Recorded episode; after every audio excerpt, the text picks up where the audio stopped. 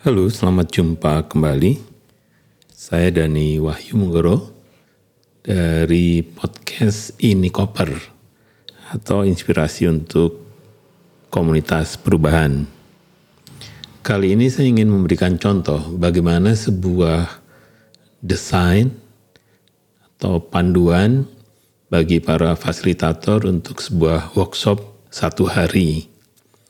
Jadi silakan disimak bagaimana desain dan juga alur pada saat kita manfaatkan waktu sehari untuk bertemu dengan peserta yang berjumlah 30 orang dan harus menghasilkan sejumlah cerita dari program masa lalunya, kemudian apa yang masih ingin diwujudkan di masa yang akan datang, dan juga pada akhirnya resolusi atau usulan-usulan inovatif untuk menjadi kebijakan untuk mengubah tatanan organisasi dan yang ketiga untuk meningkatkan kapasitas. Silakan disimak alur dari sebuah desain workshop satu hari.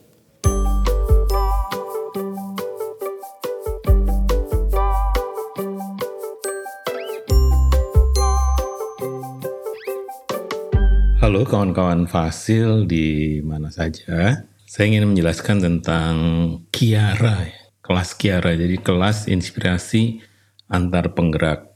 Jadi ceritanya berapa minggu yang lalu Inspirit diundang untuk bisa sebenarnya terlibat di dalam satu dialog kebijakan pendidikan yang akan diselenggarakan pada bulan Desember. Nah, untuk kegiatan dialog kebijakan ini itu akan ada pertemuan-pertemuan di level provinsi yang itu akan difasilitasi oleh tim Inspirit. Jadi pada kesempatan kali ini saya ingin menjelaskan tentang bagaimana alur Kiara di masing-masing provinsi. Jadi kalau kita lihat sebenarnya ini adalah panduan bagi para fasilitator. Tujuan kita adalah memperoleh sebanyak mungkin satu adalah pengalaman-pengalaman atau inovasi-inovasi yang telah dilakukan oleh para penggerak pendidikan di lima provinsi itu. Yang kedua, kita ingin menangkap impian, keinginan, masa depan pendidikan impian atau pendidikan ideal yang ingin dibangun atau diwujudkan oleh para penggerak pendidikan di provinsi. Nah, yang ketiga adalah inovasi-inovasi apa saja yang diusulkan untuk bisa menjadi kebijakan nasional atau kebijakan daerah dalam kaitannya untuk peningkatan atau pembaruan pendidikan di Indonesia. Jadi tiga hal itu yang menjadi tujuan utama dari kegiatan ini. Kemudian di dalam proses kiara ini itu akan ada beberapa alur, tapi intisarinya sebenarnya adalah bahwa proses ini hanya satu hari pesertanya lebih kurang 30 orang ya. Jadi bayangkan 30 orang akan difasilitasi oleh tim fasilitator yang unsurnya ada fasilitator utama, kemudian ada co-fasilitator dan ada asisten fasilitator. Jadi tim Inspirit yang akan terlibat di dalam pekerjaan ini itu akan ada tiga orang ya, fasilitator utama, co-fasilitator dan graphic recorder atau asisten fasilitator. Prosesnya itu akan kita mulai jam 8.30. Nah, 15 menit yang pertama itu akan diisi oleh kawan-kawan dari Tanoto atau The Conversation yang akan memberikan sambutan dan juga pembukaan apa dan mengapa kegiatan ini diselenggarakan. Kurang lebih 15 menit. Setelah itu, fasilitator utama akan menjelaskan orientasi umum tentang alur, tujuan, dan hasil yang diharapkan dari proses Kiara ini. Dan harapannya sebenarnya fasilitator juga menjelaskan bahwa metode fasilitasi kali ini itu berbeda dengan proses-proses biasanya karena menginginkan para peserta akan sangat aktif. Nah setelah itu kita akan masuk pada sesi perkenalan di sesi perkenalan ini dari pengalaman biasanya kita menggunakan satu metode tentang apa adventure ya. Apa petualangan kita yang terbaik. Nah, dari pengalaman kelihatannya jarang terjadi bahwa orang-orang itu bisa menjelaskan petualangannya. Oleh karena itu, metode yang akan kita gunakan adalah metode life story atau riwayat hidup. Jadi setiap orang itu nanti diberikan kertas A4, kemudian diminta alur ya dari tahun lahir sampai hari ini untuk menemukan lima peristiwa yang paling berpengaruh di dalam hidupnya, mulai dari kecil. Harapannya mereka menemukan titik-titik yang bisa diceritakan kepada kawan lainnya. Proses berceritanya adalah lewat lewat liberating structure ya. Jadi mulai dari orang per orang ya berpasangan, kemudian berempat ya dan terakhir adalah berenam. Pada saat berpasangan yang pertama cerita tentang tadi cerita-cerita yang paling berpengaruh bisa satu atau dua ya waktunya pendek saja sekitar tiga menit masing-masing, kemudian pindah ke berempat. Nah di berempat itu adalah memilih secara afirmatif cerita yang paling membahagiakan. Sehingga harapannya energinya akan meningkat. Sedangkan pada proses yang ketiga yang berenam itu peserta diminta apa sih yang kekuatan-kekuatan yang dipakai sehingga bisa melalui seluruh cerita hidupnya. Jadi pilih satu atau dua kekuatan yang sangat-sangat Eh, menonjol di pribadi masing-masing. Berikutnya, alur kita masuk ke tahapan 3I ya. Jadi kita menggunakan 3I, inspirasi, impian, dan pada akhirnya inovasi. Nah di tahapan inspirasi, peserta sebenarnya diminta menemukan satu kegiatan yang paling membahagiakan, satu inovasi yang paling sukses di dalam memperbarui pendidikan di daerahnya. Karena semua undangan sebenarnya adalah para inovator. Jadi para penggerak pendidikan. Jadi orang-orang yang sebenarnya sudah melakukan sesuatu. Jadi kita meminta mereka menemukan satu cerita yang paling membanggakan. Inovasi apa yang sudah dilakukan di tempatnya. Bisa di sekolahnya, bisa di desa, kecamatan, atau di kota atau kabupatennya. Berikutnya, diharapkan cerita ini akan bergiliran ya untuk katakan tentang apa yang apa yang telah dilakukan dan membanggakan. Di proses berikutnya sebenarnya adalah para para peserta itu di kelompok diminta menemukan tiga inovasi yang paling keren ya dari enam anggota kelompoknya. Mungkin kan ada yang sama ya, jadi disamakan sebenarnya ide apa yang paling keren, paling berdampak di di tempatnya. Kemudian juga diminta menemukan tiga faktor atau tiga kekuatan yang menyebabkan sukses itu diraih. Nah ini akan berakhir pada pukul 11 ya dan setelah pukul 11 kita akan istirahat sebentar. Setelah istirahat kita akan masuk ke tahapan impian Nah di tahapan impian ini fasilitator meminta peserta itu menggambar. Ingat ya di dalam proses impian kita lebih mendorong peserta menggunakan berpikir secara visual Nah, impian-impian ini harapannya mereka bisa gambarkan tentang impian-impian pendidikan yang dibayangkan ya.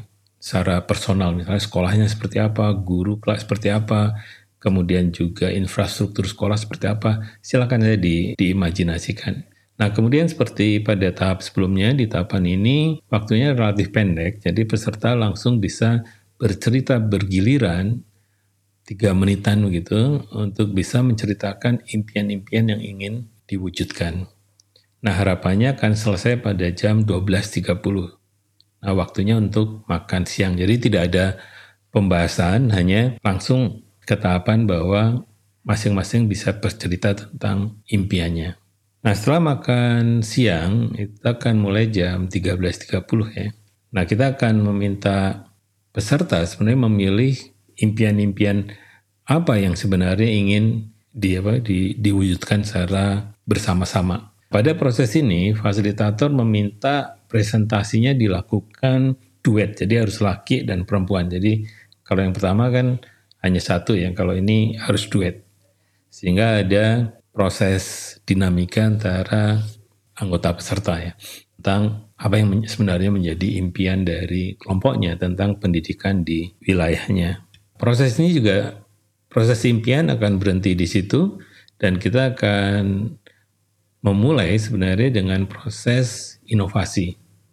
Ya, jadi proses yang tadi hanya sekitar satu jam gitu. Nah, proses berikutnya adalah proses inovasi.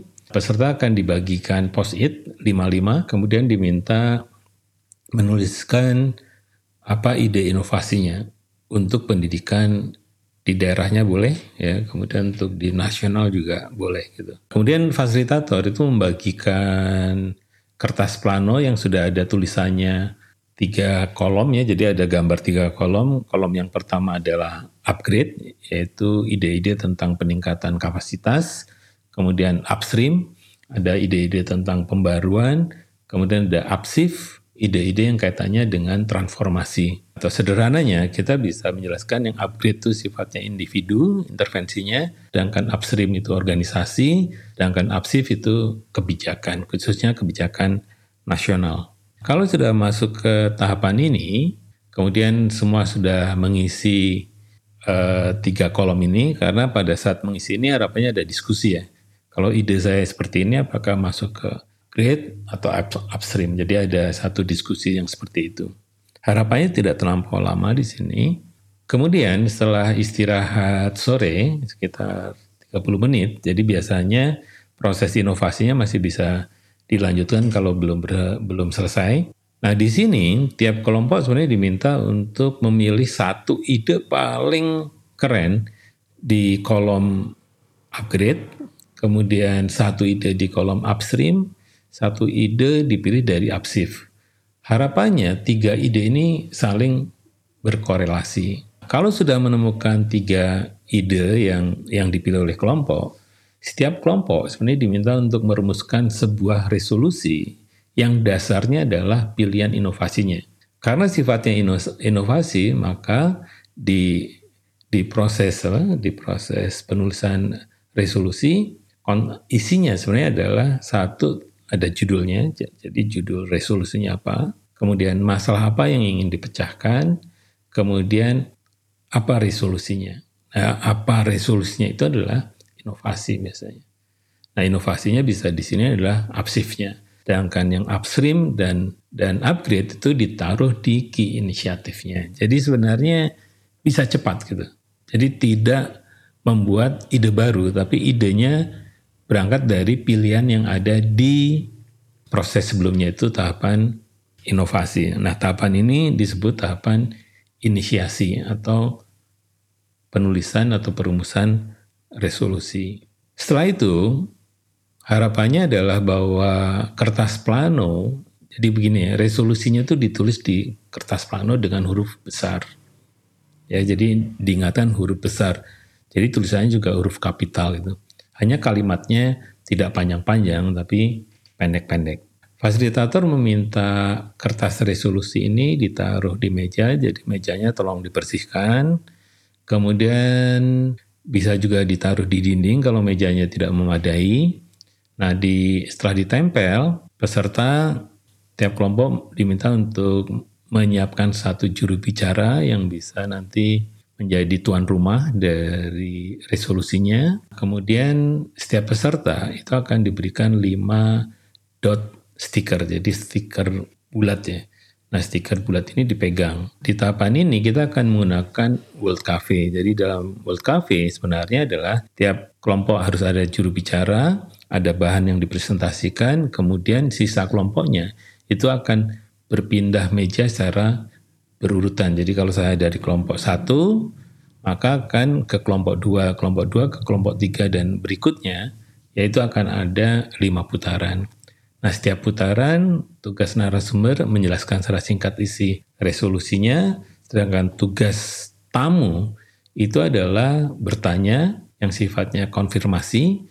Nah, kalau sudah puas pada menit kelima itu langsung memberikan voting ya apakah mau apa voting ke pilihannya gitu. Jadi kalau suka di voting, kalau tidak suka tidak perlu di voting.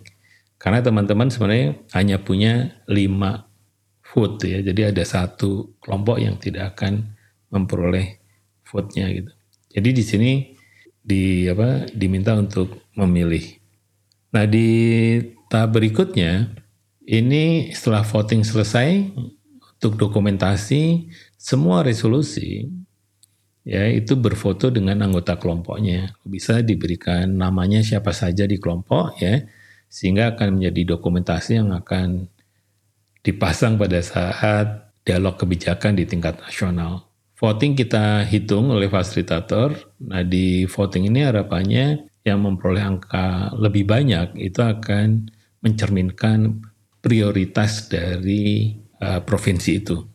Itu saja sebenarnya bukan semuanya akan diajukan ke, ke nasional, hanya yang kita hanya mengurut bahwa di di proses ini ada beberapa yang memperoleh dukungan lebih banyak. Berikutnya itu sesi closing, jadi fasilitator meminta tiap kelompok bikin tarian TikTok ya. Tarian TikTok kan hanya satu menit, jadi paling hanya tiga atau empat gerakan saja.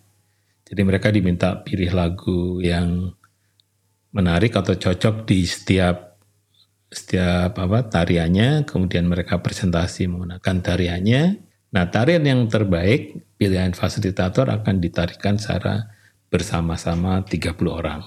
Pada proses ini fasilitator kemudian merangkum beberapa pokok-pokok pikiran yang penting saja disampaikan dan dan kemudian prosesnya diserahkan kepada Tanoto, ya Tanoto Foundation. Nah, tim Tanoto akan menjelaskan alur setelah proses Kiara ini selesai. Apa saja yang akan dilakukan oleh tim yang akan menyelenggarakan dialog kebijakan di tingkat nasional. Teman-teman hanya diingatkan bahwa notulensi tolong diambil kalau bisa ya, kemudian di gambar-gambar yang ada juga itu dikumpulkan karena akan membantu untuk pembuatan mural pada saat dialog kebijakan di tingkat nasional. Jadi itu saja yang ingin saya sampaikan untuk menjelaskan proses yang akan dilakukan pada kelas Tanoto ya. Jadi eh, kelas Kiara maksud saya. Itu saja. Selamat bertugas, sukses dan kita nanti ketemu di tingkat nasional.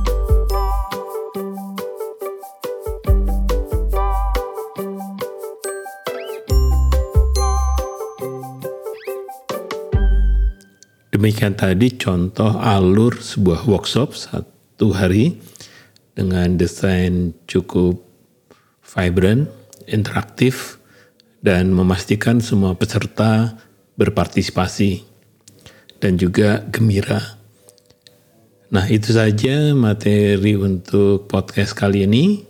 Semoga bermanfaat dan sampai jumpa pada edisi berikutnya.